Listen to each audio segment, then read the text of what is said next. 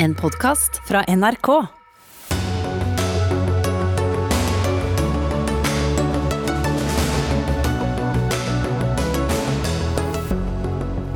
Lærere og helsearbeidere streiker i kommuner over hele landet. Partene brøt forhandlingene, men møtes i Dagsnytt 18. Hvem har skylden for koronaviruset? En flaggermus i det fri eller et kinesisk laboratorium? Kan være begge deler, mener president Joe Biden. Hva sier norske forskere til det?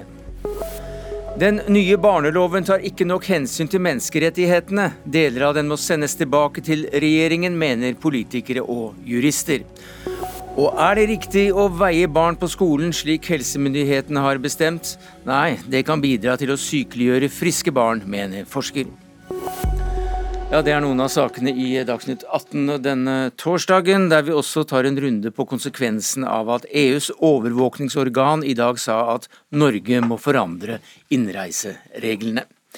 Men vi eh, begynner med streiken blant lærere og sykepleiere. I ettermiddag så ble det altså klart at Unio er i streik også i Oslo kommune. Og i natt, etter fem timers mekling på overtid, ble det brudd i forhandlingene mellom Unio og KS, som representerer landets kommuner, og dermed er ca. 8000 lærere og helsearbeidere i nærmere 200 kommuner og fylker tatt ut i streik. Og Steffen Handal, du er leder i Utdanningsforbundet og vel en lett døgnevill forhandlingsleder, vil jeg tro. Nå som dere, Var det 14 eller var det 16 timer på overtid i Oslo? Ja, det, Nå spør du om noe som jeg ikke har tenkt på. Det vet jeg ikke. Jeg husker ikke. Men hvorfor streiker dere? Eh, I KS-området så streiker vi fordi eh, tilbudet fra KS var for lavt. Vi har store rekrutteringsutfordringer i kommunal sektor. Vi klarer ikke å holde på de folka som eh, jobber som sykepleiere og lærere. Eh, nylig så svarte halvparten av lærerne i en undersøkelse at de vurderte å slutte i jobben. Eh, vi har hatt nedgang i søkertallene til lærerutdanningen tre år på rad. 15% av de som underviser i grunnskolen er ukvalifiserte. 20% i videregående. Det er enorme utfordringer. og Det som skjedde i forhandlinger om mekling, og det resultatet som kom ut av det, det er overhodet ikke godt nok til å møte de utfordringene. Det kan godt hende at det er sånn forhandlingsteknisk og, og meklingsteknisk eh, fungerer for arbeidsgiver med en sånn prosess, men det løser ikke samfunnsutfordringen her, mm. og det er det som er problemet. Nei, for Dere fikk jo da det samme tilbudet som alle de andre, nemlig 2,8% lønnsøkning. Litt lite? For lite eh, for å gjøre noe med det store samfunnsproblemet. Og det er jo det som er utfordringen for KS her, at eh, de forsøker å finne en forhandlingsløsning, men glemmer at det er et stort mm. samfunnsproblem som skal løses der ute. Men hvor mye for lite? Nei, Det er vanskelig å si uh, her. Vi, vi, kan ikke lekke fra meklingen. Det er veldig strengt. Det er faktisk, uh, du kan faktisk bli dømt for, for sånt. Det vet Tor Arne Gangstad også. så Det forholder vi oss veldig strengt til. Vi er ryddige forhandlere. så Det jeg kan si, det er at Unio hadde et krav om klar reallønnsvekst. Og Resultatet er ikke det, og derfor ble det brudd. Men en klar eh, reallønnsvekst betyr vel da mer enn 1% mer enn de andre? da? Det var dine ord. Tore Arne Gangse, forhandlingsleder i eh, KS. Hvorfor var det ikke mulig for dere å komme eh, Unio i møte? Nei, vi opplevde jo at Unios sine krav i disse forhandlingene var prega av to ting. Man ville ha en veldig høy uttelling, altså det har jo Steffen Handal bekreftet. Over 1 mer enn de andre? Ja, Vi snakker ikke om tall her, men Nei. langt mer enn de andre ville ha. Og så ville de ha mer enn de andre av den ramma som var satt til rådighet. Så, så det var umulig å innfri Unio sine krav. Um, og så har jeg likevel lyst til å si at eh, vi fikk jo til et godt oppgjør i kommunal sektor. Eh, vi fikk til en løsning med tre av våre sammenslutninger, i LO, YS og Akademikerne. Men altså ikke med Unio? Jeg skjønner ikke helt eh, hva Tore Arne Gangse sikter til. fordi eh, de forhandlingene vi har gjennomført, de har vært gjennomført og vi har stilt krav for våre grupper. Så hvor du har dette andre fra, det vet ikke jeg. Det må, det må du svare for. Ja, er det misforståelse her? Det er nok ikke en misforståelse. Vi opplevde nok at Unio sine krav var veldig store. Det var veldig vanskelig å finne en løsning sammen med de andre som ivaretok Unio sine krav. Men uh, samfunnsutfordringen, hvordan skal vi løse den, eh, Tor Arne Gangsø? Fordi du kan ikke komme deg unna den enorme mangelen på sykepleiere. 7000 sykepleiere mangler Vi mangler tusenvis av lærere. 15 av de som underviser i grunnskolen, er ukvalifiserte, og 20 i videregående. Hvordan har du tenkt å løse disse utfordringene? Du, altså, Steffen Handal peker på en viktig utfordring for hele kommunal sektor. Kommunal sektor er avhengig av veldig mange forskjellige yrker. Jo, men Nå hørte du nettopp en utfordring. Eh, hvordan takler du den? Ja, og vi, Denne gangen la vi jo fram et tilbud som innbefatter en, en lønnsøkning som ligger over den lønnsøkninga som resten av norsk arbeidsliv får. Snakker vi om 4 da? Nei, vi snakker De fleste i Norge ser ut til å få et, lønns, et lønnstillegg på 2,7% eller en mm. årslønnsvekst på 2,7 Vi lykkes med å legge fram et og få på plass en løsning på 2,8% Det betyr at alle kommunalt ansatte er sikra opprettholdelse av kjøpekraften. Det er det nesten ingen andre som har, har fått mm. til i norsk arbeidsliv. Eh, jeg tror Tor Arne Gangse går seg litt vill i disse tallene. Det er helt riktig at eh, det, det tilbudet ligger over eh, frontfagsramma. Det er helt riktig. Men, det er også eh, industrien, ja, de som forhandler, de som forhandler først, som skal ha rammen rundt. Men samtidig så er det sånn at vi har Vi skal ikke lenger tilbake enn fjoråret, hvor kommunal sektor, hele offentlig sektor, kom veldig mye dårligere ut. Altså en halvt prosentpoeng.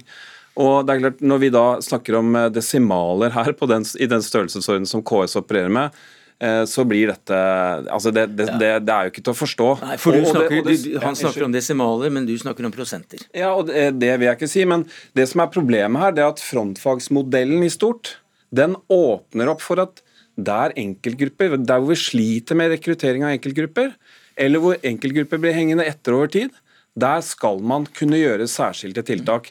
Den muligheten ligger innenfor modellen, men den brukes ikke. Og da blir modellen rusten og rar, og vi føler oss stengt inne i noe som vi ikke kan gjøre noe med. At det blir påstått at den modellen ikke blir brukt, det er bare tull. I 2019 så løfta vi sykepleierne betydelig, så vi har gjort mange grep for å få dette til. Og denne gangen klarte vi å løfte hele kommunal sektor sammenlignet med, med resten av Norge. Så skal vi huske på at, at eh, lønnsutviklinga i offentlig sektor den må harmonere med resten av samfunnet. Og vi har hatt et stort antall arbeidstakere som har stått uten jobb gjennom dette året. Slike ting må vi ta hensyn til som, som landets største tariffområde. Handal, hvor lenge til er det dere møtes igjen over forhandlingsbordet? Nei, Det vet jeg ikke. Jeg, telefonen er på. Han kan ringe når som helst. Men sykepleiermangelen Så du har nummeret? Ja, vi snakker veldig ofte sammen. Men, ja, så, så, men, akkurat, men, men, det er altså kontakt mellom partene, kan vi si det?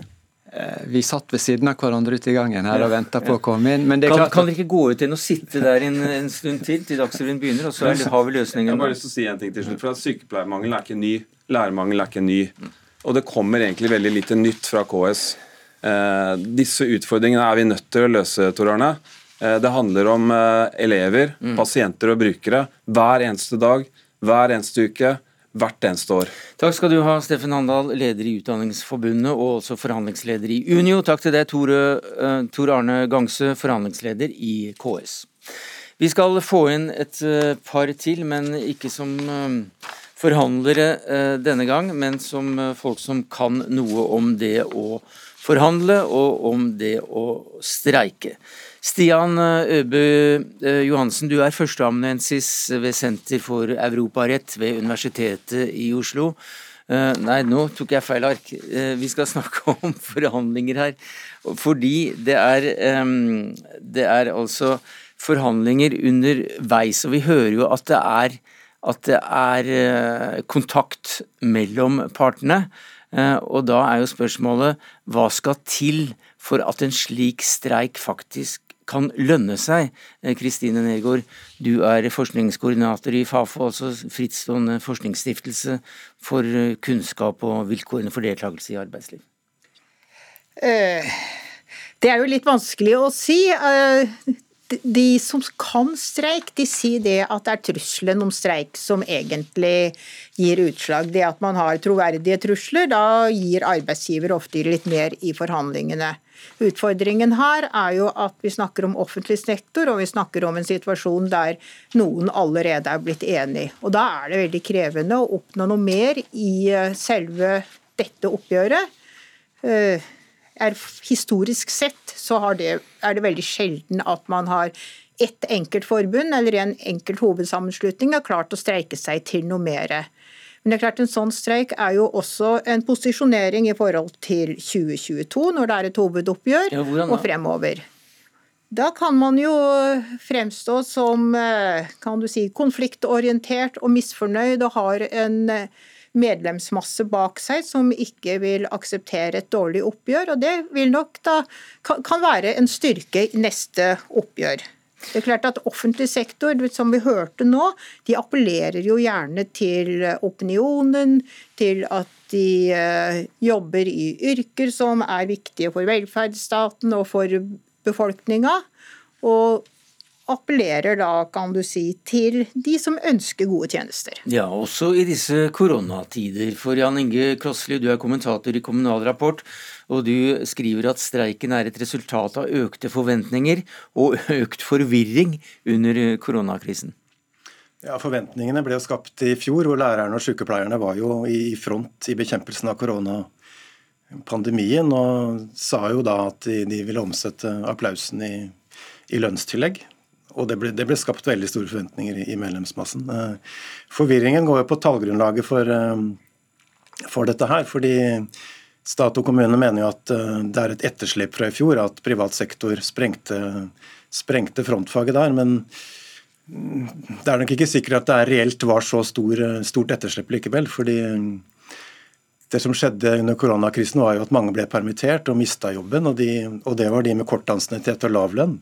Mens de med høy lønn og lang erfaring ble, ble værende. De, og det var deres lønnsøkning som ble målt, så det er ikke sikkert det er helt reelt, disse tallene. Det er, det er forvirringen. Men vi hører jo Nergård her si at man prøver å spille litt på sympati òg, og det er kanskje ikke så vanskelig akkurat når du har fått et stikk eller har tatt en test, og se hvordan de står i det. Nei, jeg tror nok lærere og sykepleiere har stor sympati i opinionen, som Nergård sier. Det, Hvor mye har det å si?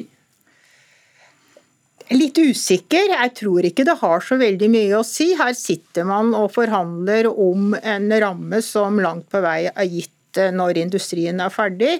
Og det er ganske mange sterke i, forhandlere i de andre hovedorganisasjonene også. Det er ikke bare sykepleiere som vil ha mer penger, det er også hjelpepleiere. Det er ikke bare lærere og førskolelærere som vil ha høyere lønn, men det gjelder også altså assistenter i barnehagene. Det gjelder renholdere. Det er mange grupper som kan du si, slåss om lønnsmidlene i kommunal sektor. og Det er også noe av utfordringa at en, man kan se for seg at man omfordelte midler, at det blir gitt mer til lærere og til sykepleiere. Men da vil f.eks.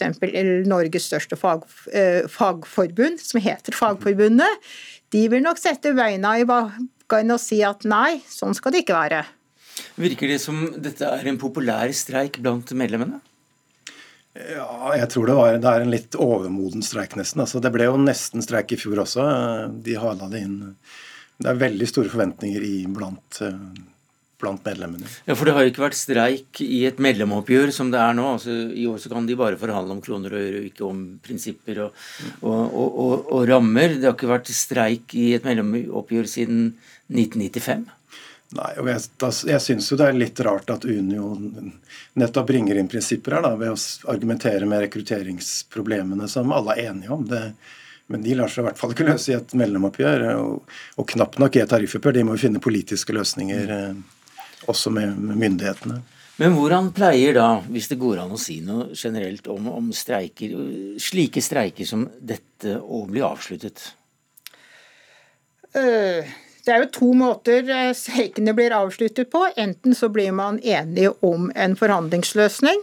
Det skjer ofte hvis alle er i streik. F.eks. var en stor streik i staten i 2012. Da kom man fram til en forhandlingsløsning. Og det kunne man gjøre fordi at da lå det ikke et forslag på bordet allerede. Eller så uh, havner dette her uh, i, med en tvungen lønnsnemnd og havner i Rikslønnsnemnda. Det er jo alltid en fare når vi snakker, har, har, å gjøre med helsepersonell. Og Havner man i Rikslønnsnemnda, så får man uh, bare det de andre har fått. Rikslønnsnemnda er veldig konservativ i så måte. Ligger det et forslag på bordet f.eks. Uh, fra Riksmegleren, så er det det som blir gitt. Det har all historie vist oss. Jeg vet ikke om noen la merke til det, men det var et visst forsøk på å, å, å prøve å spørre om, om resultatet, altså om prosentene her. Men, men det, det, var ikke så lett å få ut av dem. Men hva snakker vi om i kroner og øre, eller i prosenter som må til, tror du? For å finne en løsning? Ja. Jeg tror ikke det er noen sjanse for at de Unio får noe mer enn de andre har fått. altså som Nergård sier. 2,7. De, de er skilt lag her, ikke sant. Er, det er 2,8 har de fått. 2,8. Men eh, det er da tre eh, andre grupperinger i forhandlings, forhandlingsbordet her som har, som har, godtatt dette. Eh, hva betyr det for Unio, som da blir stående litt alene? Er det en fordel? Nei, det er helt klart en ulempe. Når tre har sagt ja, så er det veldig vanskelig å få noe mer. Vi, vi, hørte jo at det var en forholdsvis god stemning mellom dem, og de har sittet og, og, snakket sammen i sofaen før de kom inn i studio og gikk sammen ut. Er det viktig? Altså, dette her er profesjonelle aktører. Eh, det gjelder nok de fleste som forhandler på sentralt nivå i Norge. De vet at de skal møtes eh, både hos, eh, altså, i, i, forbindelse med dette oppgjøret her. De skal møtes i 2022, og de skal kanskje møtes i 2023.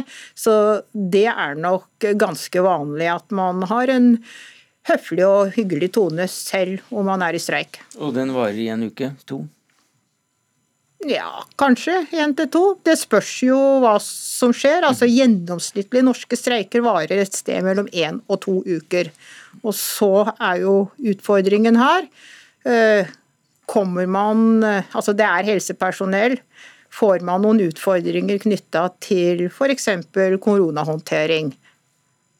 Takk skal du ha, Kristine Nergård, forskningskoordinator i Fafo, og til deg, Jan Inge Krossli, kommentator i Kommunal Rapport.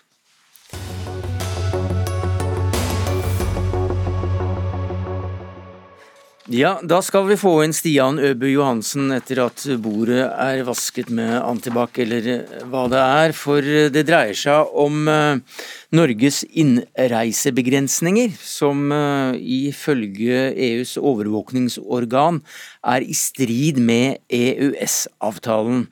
Og ESA har da sendt et brev om dette til Norge i dag. Og hva som eh, kommer ut av det skal vi eh, snakke om her. For betyr det da at Norge må åpne grensene? Stian Øbø Johansen? Nei, det betyr det ikke. Ikke at vi må åpne grensene fullstendig. Det ESA sier, det, og dette er første skritt i den formelle delen av det vi kaller traktatbruddprosessen.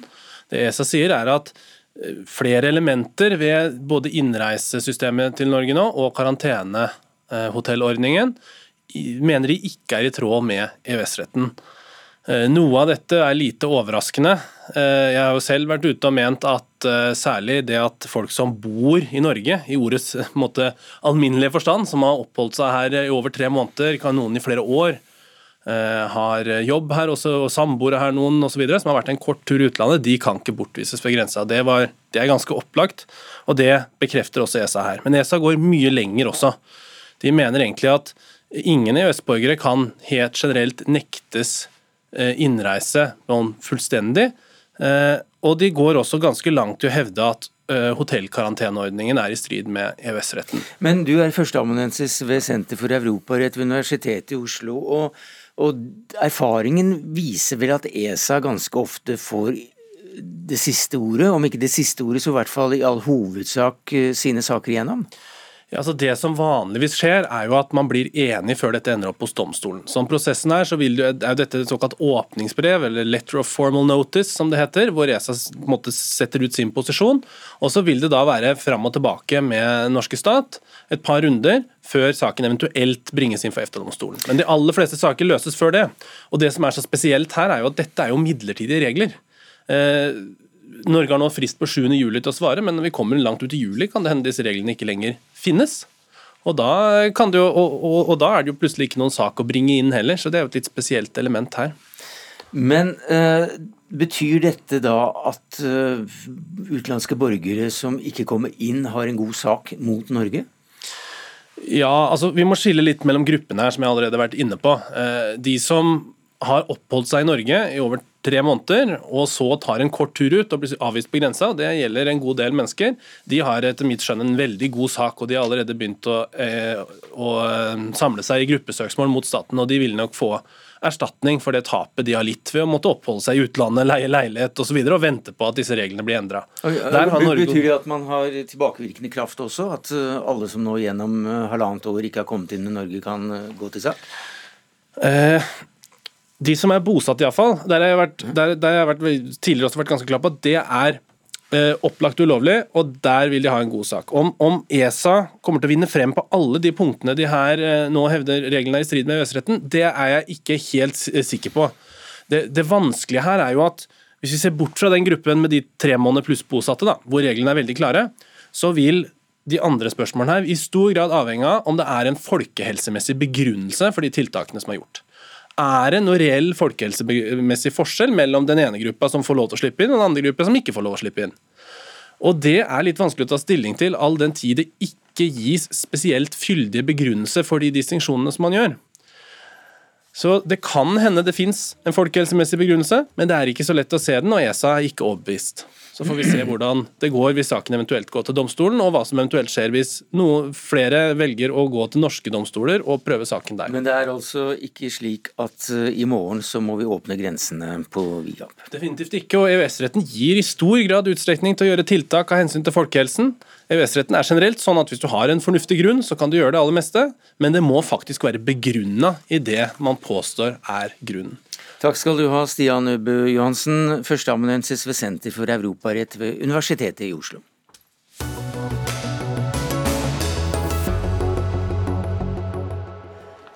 Ja, Kom koronaviruset fra et kinesisk laboratorium eller fra et eh, dyr, eller begge deler? Begge deler er i hvert fall like sannsynlig, mener USAs president Joe Biden. Ideen om at Wuhan-laboratoriet hadde noe med utbruddet å gjøre, er lenge blitt avvist som en konspirasjonsteori av de fleste viruseksperter, men teorien ble fremmet av USA mens Donald Trump var president, og blir derfor ofte tolket som et ledd i den storpolitiske kampen mellom USA og Kina. USA-korrespondent Veronica Westerin, hva er det Joe Biden vil ha svar på? Han ønsker nå å finne ut av det alle lurer på. Kommer dette viruset fra laboratoriet i Wuhan, eller, eller er det et resultat av et virus som hoppa fra dyr og så kom over på mennesker? Og Han ber altså Etterretningstjenesten her om å undersøke dette, og har gitt dem 90 dager til å komme opp med en rapport. Ja, hvorfor gjør han det nå? Det er flere grunner til at eh, dette skjer akkurat eh, nå.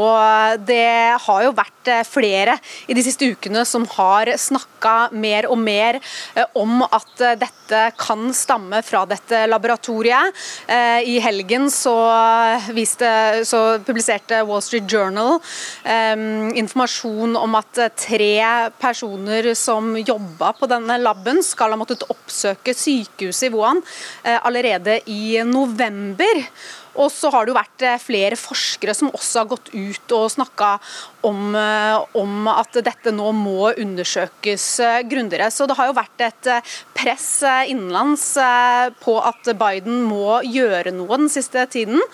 Og så pågår det jo akkurat nå et sånt toppmøte da, i Verdens helseorganisasjon, som jo også Biden mener at må gå inn og bidra her. Takk skal du ha, Monica Westerin, vår USA-korrespondent. Eh, Carlos Das Neves, du er forskningsdirektør ved Veterinærinstituttet. Hva sier du til dette? Nei, Den som vi hører i dag fra USA, det, det hold, de holder på hva de har sagt hele tids. Eh, det var et eh, diskusjon i Trumps tids, og det har også vært en diskusjon allerede nå med Joe Biden. Så blant annet når eh, Verdens Helse publiserte en rapport i mars.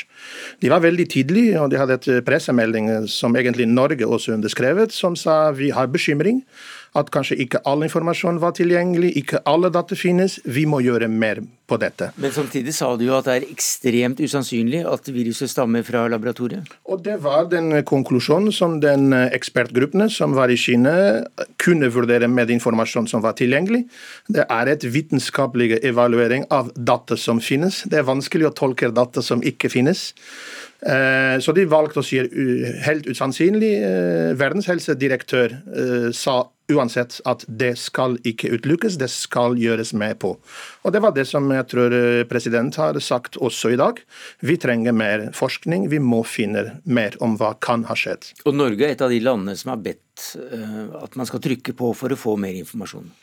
Eh, Norge har på, i mars, når rapport blir publisert, som sagt eh, undertegnet den eh, pressemelding som, som anbefaler WHO å fortsette med aktiviteter, med studier, for å få mer informasjon. Om det er natur, om det er lab, spiller ingen rolle. Vi må få så mye forskning, så mye data som finnes, og da kan vi vite hva stemmer. Anne Spurkland, du er professor i eh, medisin ved Universitetet i Oslo. Du har gitt ut boka 'Frisk nok håndbok i immunforsvar'.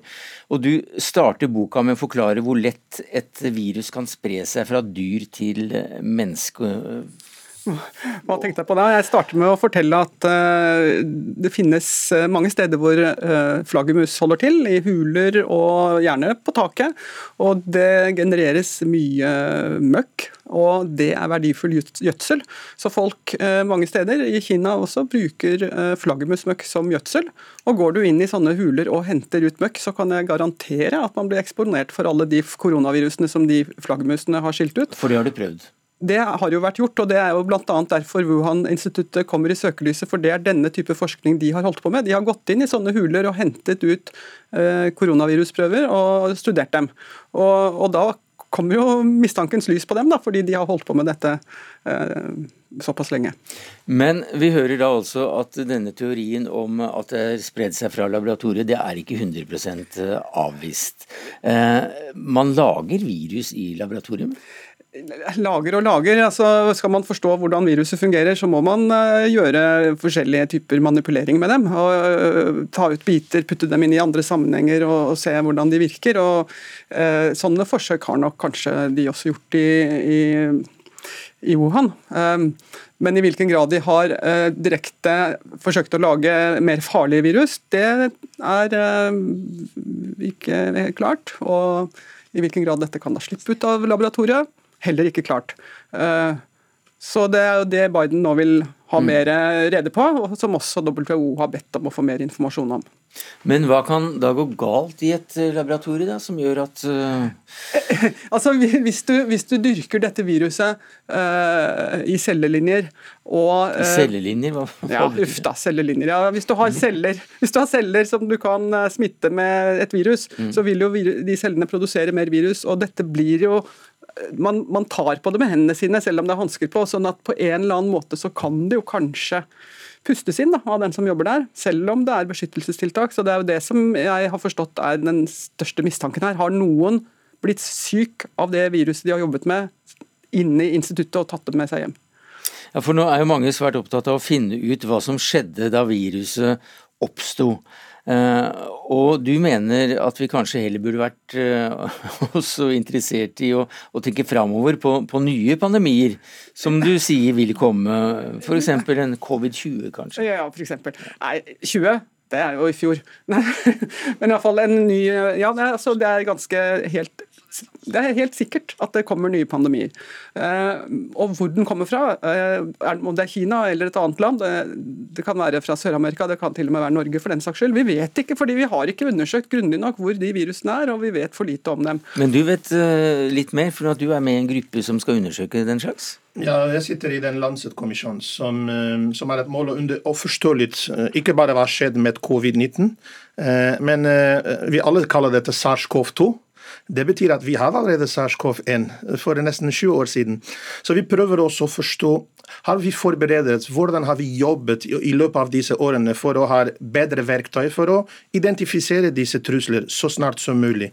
Forebyggende er her en, en viktig år. Så jeg håper at i, i løpet av den jobb, når vi prater med utrolig mange folk rundt i verden eh, på disse kommisjonene, de som tror på flaggermus, de som tror på lab teori, og prøver å kartlegge alt som finnes, Kanskje får vi å vite litt mer om det, og kanskje kan vi gi noen råd uh, for at vi har bedre forebyggende tiltak fremover, så at vi unngår uh, SARS-CoV-3. Mm. Men tror du at vi kommer til bunns i dette med covid-19 og hvor det egentlig stammer fra? Hvis du spør meg, hvis jeg skal finne den flaggermus, den plass og den første person som fikk det, det er vanskelig å tro. Og noen av disse undersøkelser tar mange år. SARS-CoV-1 tok flere år for at vi kunne lande den rekkefølgen. Men jeg håper at vi kan få litt mer informasjon hvis vi engasjerer oss og tester med dyr, tester med folk, undersøker alle muligheter kanskje vi kommer nærmere, ja. ja. For det er snakk om læring her også, det er jo dere begge opptatt av. Vi hadde en svineinfluensa, SARS som du nevnte, uten at det gjorde ønsynlig eh, store ting med beredskapen, som ikke var på topp da covid-19 kom sigende. Eller har vi lært nå? Altså, jeg håper jo at vi har lært eh, en god del av dette, og at eh, neste gang så står vi ikke der uten munnbind og noe som helst når det kommer et nytt virus. Og Det som man også kan håpe, er at man eh, investerer i grunnforskning, slik at vi kanskje har medisiner vi kan bruke mot et virus, og ikke bare må vente på at vaksinen kommer. Det er mange ting vi kan gjøre for å forberede, oss til neste pandemi. Som kommer når da? Det vet vi ikke. Vi vet bare at det kommer til å skje. Takk skal du ha, Carlos eh, Das Neves, forskningsdirektør ved Veterinærinstituttet, og til Anne Spurkland, professor i medisin ved Universitetet i Oslo.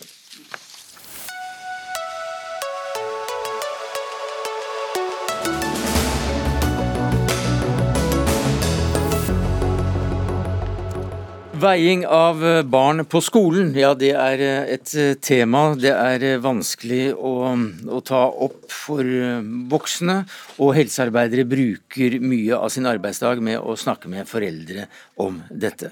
Men helsemyndighetene har altså anbefalt at norske skoleelever skal veies og måles i første, tredje og åttende klasse. Eh, Gro Rugseth, du er førsteamanuensis ved Norges idrettshøgskole, og du er en av de mange som mener at det er feil å veie barna på skolen. Hvorfor det? Ja, Det jeg har prøvd å peke på, er jo at vi for det første eh, driver en eh, praksis som kan risikere å sykeliggjøre friske barn. Og en praksis som viser seg å ha veldig lite resultater i forhold til det det var ment å skulle virke på. La oss ta det første først, altså sykeliggjøre friske barn. Ja, altså eh, Når barn veies, og det viser seg at de veier mer enn en medisinsk norm, så settes det i verk en rekke tiltak.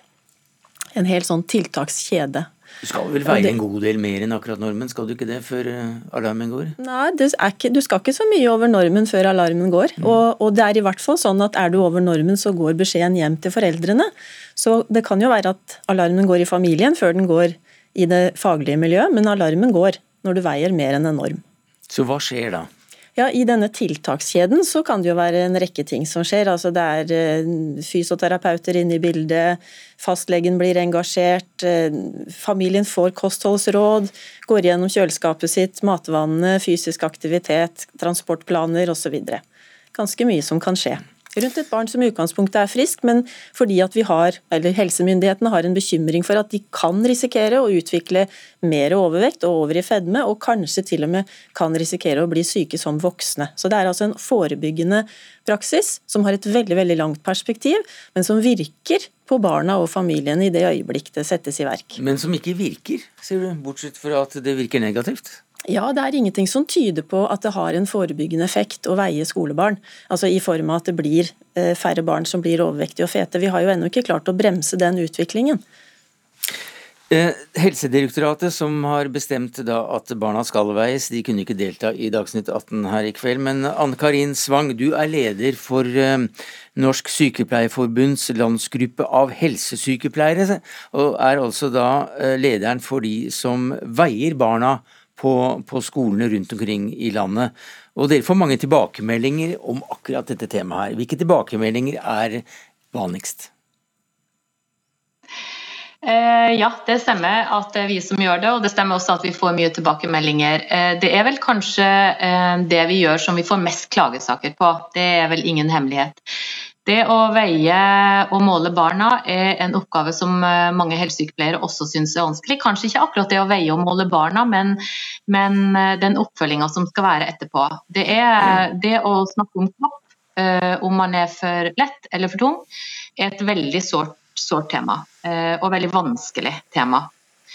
Eh, jeg har lyst til å, eller, jeg har lyst til å si litt i forhold til det Gro nå sa. I forhold til det at det settes i rekk, en eh, hel rekke med tiltak, og at alarmen går. Og at, og at resultatene uteblir. Jeg er litt uenig i at det settes i verk så veldig mange tiltak. Jeg er også uenig i at alarmen går. Jeg tenker Litt av problemet eh, med at vi gjør dette, er at det er lite tiltak å sette inn. Og at det er veldig få kommuner som har gode tiltak å sette inn når man har avdekka eh, fedme eller eh, overvekt på barn. Ja, det, det er jo en annen side. Og at det kan ha noe å si for resultatet også. Det er, jo, det er, jo, en annen side ved dette. at altså En ting er de kommunene hvor man har mulighet til å sette inn tiltak. Der foregår det ganske mye. I hvert fall ifølge de retningslinjene Helsedirektoratet har, så skal det utløses en rekke tiltak. Men så er det de da som, som ikke har tilbud til de barna som faktisk blir veid, og, og, og at, det viser seg at de veier mer enn normen. Så er det ikke noe å følge de opp med. Så det er jo også noe med å konstatere at de veier for mye, at noe er feil ved dem. Eh, og så har vi ikke en, en, eh, en, oppfølgingsplan for det. Og har vi det, så de tiltakene som blir satt i verk, de viser veldig dårlige resultater. Ja, gjør de det, eh, Ann Karin Svang, slik du ser det? Er det dårlige resultater? Uh, en, en, del tiltak viser dårlige resultater. og jeg tenker at Det er fint at vi får denne debatten, og at det er også fint at vi ser litt på de retningslinjene. Uh, og at vi ser på tiltakene vi gjør. Det tenker jeg er veldig bra. Eh, at man gjør ved jevne mellomrom. Eh, så det, det, ønsker jeg velkommen. Eh, men vi må jo også men, men, min opplevelse er at det er veldig få kommuner som har tiltak. Mm. Og, at, og, at, det er lite forskning på tiltakene. Men hvilke fordeler har da veiing av unge mennesker, slik du ser det? Altså, eh, Fedme er jo et av de store folkehelseproblemene i Norge, eh, og vi blir tyngre. Eh, sånn at det, det, er jo derfor vi veier og måler. Og det er jo om å gjøre å gjøre det tidlig, og sette inn tiltakene tidlig. Sånn at eh, man kan slippe å, å, ha de problemene med seg resten av livet. Det er jo litt av det som er forebyggende og helsefremmende arbeid som vi driver med, vi som er helsesykepleiere. Men vi har jo nettopp hørt at det ikke har noen særlig effekt. Ja, det er, det er uenig i. Eh, at, eh, at, det ikke har noe særlig effekt. Det, og jeg tenker at Det handler om tiltakene, og at det er så stor forskjell på kommune til kommune. Både av hvordan det utføres og hvilke tiltak man har å sette inn. Det tenker jeg er kjempestore forskjeller på. Og så tenker jeg på en ting til, og det er det at når uh, vi gjør, gjør, dette, så er det mange fine ting med det også. Det er en fin måte å få snakka med ett og ett barn. Eh, og det er noe som alle barn skal innom, på en måte, så det er ikke bare de barna vi plukker ut som vi snakker med, men det er alle barna. Og barna kler av seg når de skal veie og måle seg, det er også fint, for da får vi eh, brukt eh, Vi er sykepleiere i bunn, eh, og vi får brukt det kliniske blikket, og vi får sett både på hud, og vi får sett etter blåmerker. Eh, og vi kan avdekke vold og overgrep f.eks. Eh, og vi kan se på andre ting. Det er relativt ukjent at, at, veiesituasjonen er en god situasjon for å komme i kontakt med barn. Altså, veldig mange som har opplevd veiesituasjonen, forteller jo i etterkant at det er særs ubehagelig. Um, og når det gjelder at du ikke er enig i at tiltakene ikke virker, så, så, så er det jo sånn at det er ganske bred forskning som peker på at disse forebyggende tiltakene på ingen måte har hatt noen betydning for utviklingen av overvekt og fedme. Det kan være enkelttilfeller, selvfølgelig, men i det store bildet så bruker vi masse ressurser på noe som ikke virker. Mm. Men uh, Ann Katrin Svang, uh, vi, uh, Karin Svang, vi begynner å nærme oss slutten her. Men kort, går det an å gi noen tommelfingerregler for hvordan man skal snakke med barn om overvekt? Ja, for det første så tenker jeg at Man snakker ikke eh, direkte med barnet om vekta eller eh, når, når, vi måler dem. Det tenker jeg er kjempeviktig. Eh, fordi at det er de voksne vi prater med i etterkant, eh, foreldrene.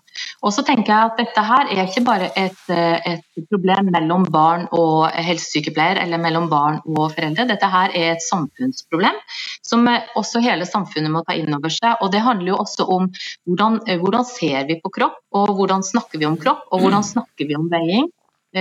Og Det er veldig viktig at det ikke er tallet, altså det vekta du får, som er fokuset i, i den samtalen, men at vi snakker om helse. Og Noen uh, helsesykepleiere har vært kjempeflinke på å legge sånne veiedager og gjøre noe mer større ut av det i samarbeid med skole.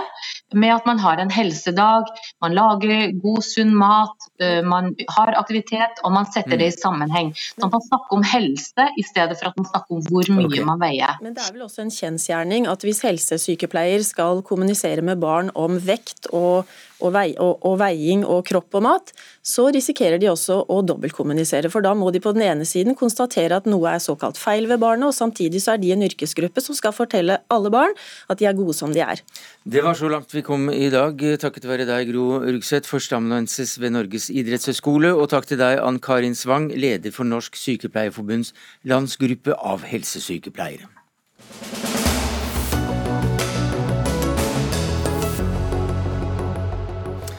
Ja, I går så var kunnskapsministerens budskap at muntlig eksamen eh, skulle avholdes. I dag ble den avlyst. Så hva skjedde fra i går til i dag, spør vi. Og det spør vi deg om, Guri Melby.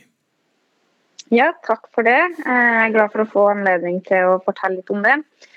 Da jeg var på Politisk kvarter i går, så fortalte jeg jo at vi dagen før hadde hatt møte med alle fylkeskommunene og med KS. Det er jo dem som står ansvarlig for å gjennomføre eksamener i Norge. Der fikk vi en tydelig beskjed om at de anbefalte å avlyse.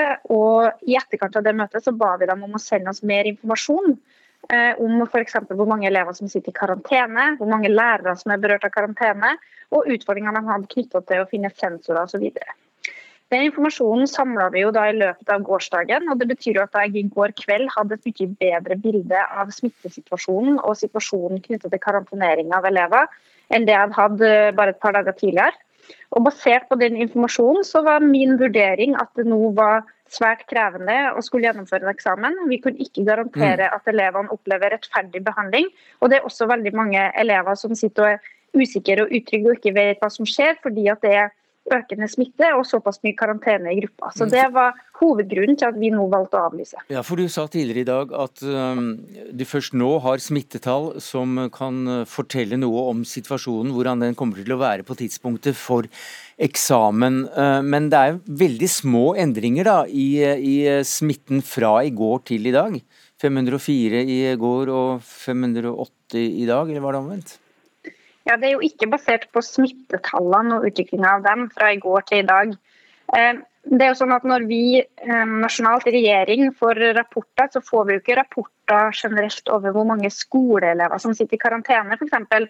Det var jo en spesifikk informasjon som jeg har fått fra fylkeskommunene, og som jeg har brukt i den vurderinga. Selv om da et fylke som Vestfold og Telemark ikke nødvendigvis har veldig mange smitta, så har vi da fått tall som viser at de har 2000 elever i karantene. Eh, også langt over 100 lærere i karantene. Og man frykter at de tallene også kan øke framover.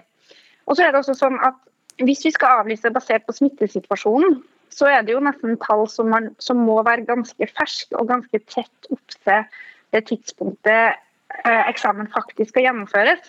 Og Derfor så mener jeg altså at nettopp det her rett før nå muntlig eksamen setter i gang mm. i de fleste fylkene, er det riktige tidspunktet å avlyse pga. Av smittesituasjonen. Men hør her, elevene vil ikke ha den. Skolene vil ikke ha den. Sensorer har trukket seg. Fylkeskommunene vil ikke gjennomføre den. Kunnskapsdepartementet har hele tiden sagt at eh, jo, det, det skal gjennomføres hvis ikke noe, noe annet viser en helt annen retning. Du har også hatt alle de rådene Eh, mot deg, omtrent som eh, det går an å få. Hvem er det du da har hatt støtte av i din eh, avvisning av å, å si nei til muntlig eksamen?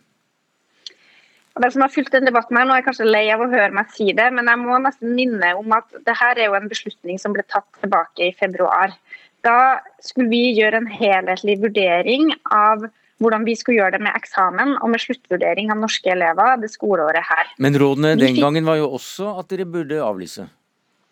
Hovedrådet var at vi burde avlyse, men vi fikk også en eh, altså I vurderinga vi fikk fra vårt eget fagdirektorat, så sto det at dersom vi ønska det, så kunne muntlig eksamen gjennomføres. Ja, Vi har fått et brev her er- er der de sier at Jeg må bare lese litt fra det brevet, eller hva det er. Altså, Utdanningsdirektoratet har siden januar rådet dere til å avlyse 8. april, så opprettholder de dette rådet. Men de sier at det er mulig, men de frarådet det altså. Det er helt riktig. Men så hvorfor har du hele tiden stått sånn på for at det skal være, være at det skal gjennomføres? Hvem er det du har lent deg på? Altså Det viktigste for meg har vært å sikre norske elever god opplæring i en svært vanskelig situasjon. Eh, Og jeg og regjeringa vi har ment at det å opprettholde mest mulig av det som er normalt i skolen, det har vært viktig for å sikre elevene de rettighetene som de har. Til god opplæring og til Ja. god vurdering. Selv om, selv om alle unnskyld at jeg avbryter deg, men selv om alle relevante instanser har sagt at du bør avlyse? Husk på at Begrunnelsen som Utdanningsdirektoratet ga for å avlyse, var jo ikke at det ikke kunne være faglige positive effekter av å opprettholde muntlig eksamen. Det var at det var knytta risiko til gjennomføring, og at det var en belastning for sektoren. Jo, men alle, jo alle ment- rådene du har fått, går i motsatt retning. Nei, det er ikke riktig å si. Det Hvem er det som har gitt deg, For- råd om at du bør Altså- absolutt gå videre? Er det Høyre?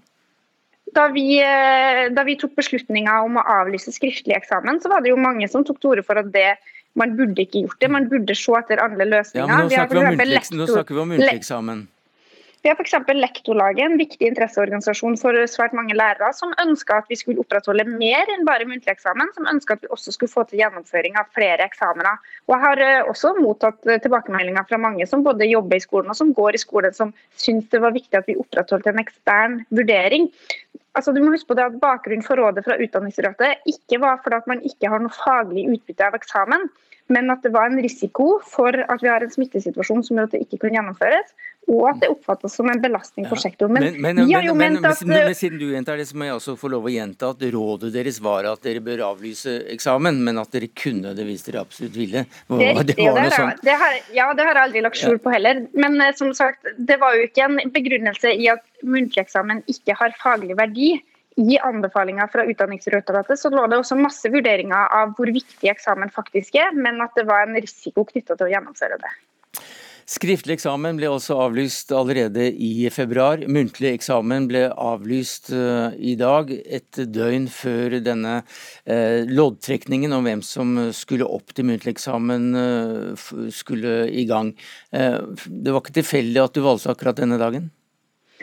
Nei, altså, hvis vi skulle gjøre en nasjonal avlysning, så var det jo viktig å gjøre det før man satte i gang trekket. Det ville ha vært dumt hvis det var elever som fikk en beskjed om et fag, og så skulle de gå hjem og forberede seg i helga, og så hadde jeg avlyst på mandag eller tirsdag. Så, så jeg mener jo at det her var for så vidt siste mulighet til å gjennomføre en nasjonal avlysning uten å gi elever ekstra stress og belastning. Vi fikk eh, avbryte deg midt i en regjeringskonferanse, så du haster tilbake til den, Guri Melby. Men eh, du unngår i eh, alle fall med dette å få denne populistprisen, i tilfelle den fins. Og du har heller ikke lagt deg flat for å skaffe Venstre flere unge velgere. Men takk skal du ha. Nei, men det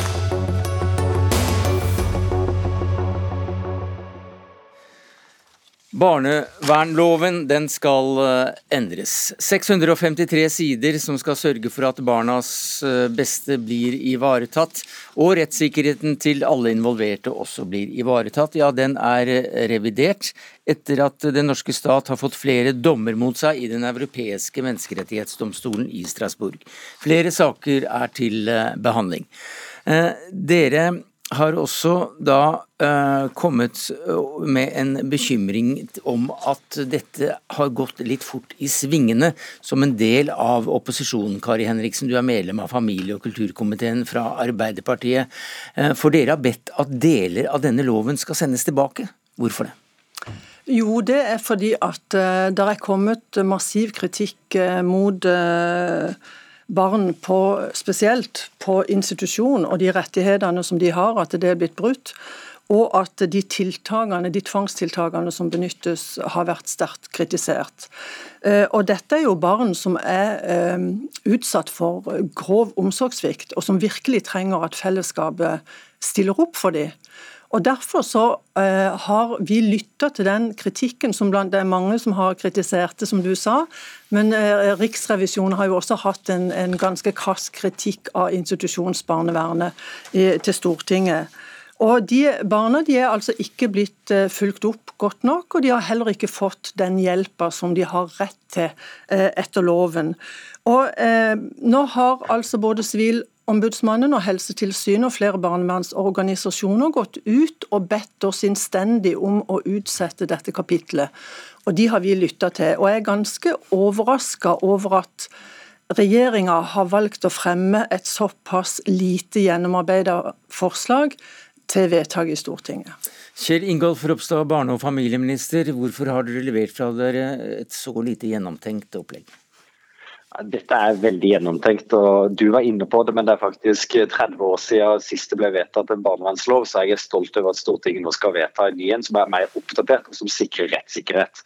Og Dette kapitlet knyttet til tvang, det er viktig å si at det vi varsler i den proposisjonen, det er at vi nå skal starte utredninger og gå grundig gjennom det. Fordi det utvalget som ble satt ned for ja, sju år siden, og dette har vært en veldig lang prosess, det hadde ikke det som et utgangspunkt og mandat, men vi har satt ned et utvalg som skal jobbe spesielt med institusjon, fordi det er riktig som Kari Henriksen sier, dette er noen av de mest sårbare ungene som er sammensatt utfordringsbilde, og som trenger et enda bedre tilbud enn det vi klarer å gi dem. Det var altså veldig gjennomtenkt. Ja, der er vi jo da uenige. Eh, at det er så veldig gjennomtenkt. For eh, selv om Ropstad sier at det har vært en lang prosess, så opplever jeg at Ropstad og regjeringa har stritta imot alt som har hatt med menneskerettighetsbestemmelser å gjøre. Ja, hvordan da? Jo, for vi har foreslått, blant annet har vi foreslått å styrke øremerka stillinger til barnevernet, for det handler om rettssikkerhet. Det handler nettopp om å gi barna de gode vurderingene og ha tid til å snakke med ungene. Vi har foreslått at du skal gjøre endringer i sakkyndigordningen. Vi har foreslått at du skal ha noe som heter andrehåndsvurdering av akuttvedtak, altså at det er andre som skal kikke de vedtakene i kortet. Så Vi har foreslått flere ting. Vi har invitert Ropstad til å komme og redegjøre i Stortinget for ja, halvannet, nesten to år siden. Da sa han nei. Og så etter hvert, når EMD-dommerne og den store kritikken begynte å komme i media, ja, da sa han ja. Så jeg opplever at regjeringa kunne ha vært mye tydeligere, de kunne ha kommet på banen mye før. Men det virker som om de har hatt store problemer med å virkelig ta inn over seg den realiteten som barna der ute lever i. For de har ikke et hav av tid, mm. sånn som Ropstad synes å ha. Ropstad? Ja, nå sier jeg På den ene sida at vi har rusha for fort fram, og på den andre sida at barna ikke har tid til å vente. Eh, så Vi må i hvert fall være konsekvente i kritikken. Eh, det skjer mer i barnevernet enn på veldig lang tid. Dette som Stortinget nå skal vedta, innebærer at vi stiller kompetansekrav. Vi gjennomfører en kompetansesatsing. Vi skal jo løfte eh, både det at en skal ha master med de som jobber med kjerneoppgavene i barnevernet, men bachelor på institusjon. Det betyr enormt mye. Og når det gjelder antall ansatte, så er det økt med 1400 fra 2013 til 2019. Men du hører her kritikken går også på at du ikke tar menneskerettighetene helt på alvor? Ja, og, og, det er helt urimelig. For er det noe vi har vært opptatt av, så er det nettopp at dette lovverket skal ha grundige menneskerettslige vurderinger. Derfor har vi gjort det i dialog med eh, eksperter på feltet, og det er grundige vurderinger i proposisjonen. Og både EMD og Høyesterett eh, har også pekt på utfordringer, det tar vi tak i. Men en kan også legge til grunn at hovedregelverket som ligger der, det er innenfor mm. menneskerettighet menneskerettighetene. og Derfor så er jo det som Stortinget nå forhåpentligvis kommer til å vedta, godt innenfor. Det kommer til å styrke rettssikkerheten for ungene, som er kjempeviktig. Kari Henriksen, tror du at eh, denne loven, hvis den går igjennom slik den er nå, vil eh, gjøre at Norge ikke blir eh, lenger så ofte dømt i Strasbourg? Det er vanskelig å si. For det er riktig som Ropstad sier at det er en del andre endringer som pågår også fra departementet. Og jeg er ikke i tvil om at ansatte i barnevernet jobber for å unngå at barna ikke skal få, eller for å jobbe for at barna skal få de rettighetene de har. Men noe av utfordringen eh, tenker jeg, er at eh, det virker som om barnevernet ikke er høyt nok prioritert i forhold til å tenke at Rettssikkerhet for barn er like viktig som rettssikkerhet for voksne. Og bare ta det med tvang. Nå har vi altså et, tvangs, et utvalg som skal se på tvangsbegrensninger for voksne.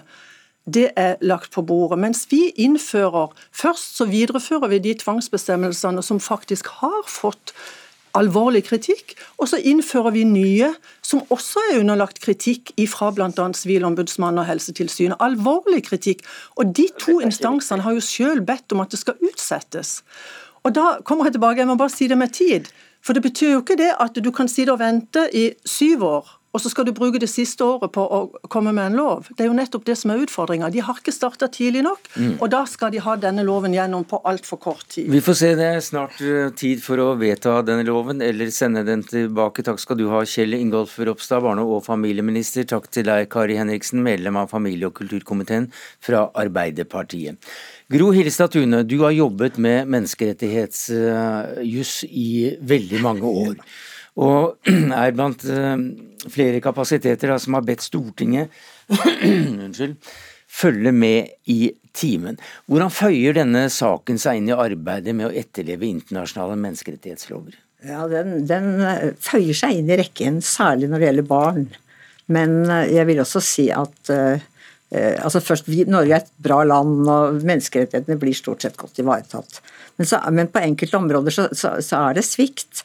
Og da dukker det norske problemet opp at vi tror vi er en slags verdensmester i eh, menneskerettigheter.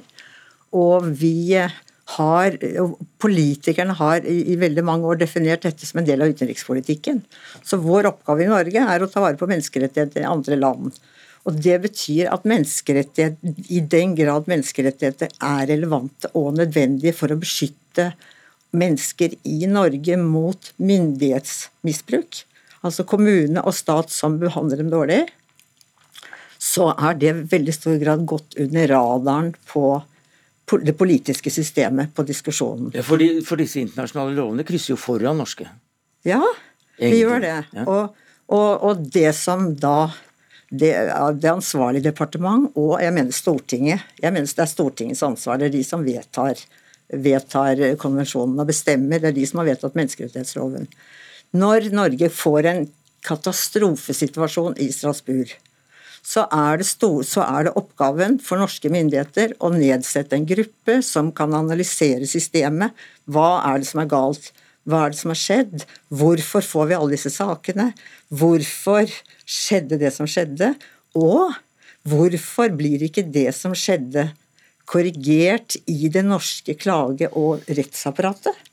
Hvorfor må alle disse menneskene gå helt til Strasbourg?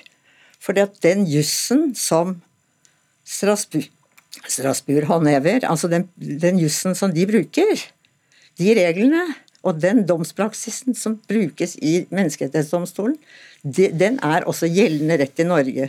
Den skal brukes av tingrettene i Norge og, og, og disse forskjellige domstolene, og de skal brukes av klagerettene. Men det gjøres ikke alltid?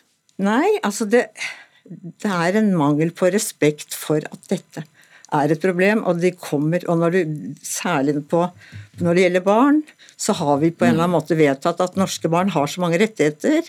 Sånn at hvis noen kommer og sier at dere har ikke tatt vare på barnas rettigheter godt nok, så blir vi fornærmet, feier vi dem av banen og vil ikke høre. Men er det litt berøringsangst fra norske, det juridiske miljøet i Norge når det gjelder menneskerettigheter? Ja, så Det er vel litt av hvert. Altså, det er en benektning av at vi trenger noen internasjonale korrektiver i forhold til vår norske praksis. Altså, Ingen liker å bli, bli kritisert. Og, og, det er et eller annet med at norske lover, norsk praksis, skal være bra nok. Mm. Og det, og det, rammer nå unger på en forferdelig måte ved at vi får en barnevernslov som, er, som vi ikke vil føre til noen færre menneskerettighetsbrudd, fordi at det opprettholder det system som i dag skaper alle disse, men alle disse forferdelige situasjonene hvor unger blir dårlig behandlet, og, ingen, og de får ikke noe hjelp. Eh, det er jo flere juridiske miljøer, eh, bl.a. Advokatforeningen, som sier at den, denne nye lovforslaget det er, det er helt ålreit. Ja, altså, problemet er jo at altså, i forhold til menneskerettigheter så er det avgjørende praksis, hva som skjer. Hvordan det enkelte barn og familie blir behandlet. Men når det gjelder så, som regler kan se fine ut. Mm. Og, og, disse instansene som da ikke driver med enkeltsaker, de ser på reglene og syns de er greie, men de kjenner ikke praksis godt nok. Takk skal du ha, Gro Hillestad Tune, menneskerettighetsjurist. Og jeg har vel allerede takket deg, Kari Henriksen, medlem av familie- og kulturkomiteen fra Arbeiderpartiet, men du ble sittende for å høre på, på dette siste. For det var det siste som ble sagt i Dagsnytt 18 i dag, takket være ansvarlig for det hele, Anne Katrin Førli. Det tekniske ansvaret hadde Lisbeth Sellreite. Jeg heter Sverre Tom Radøy.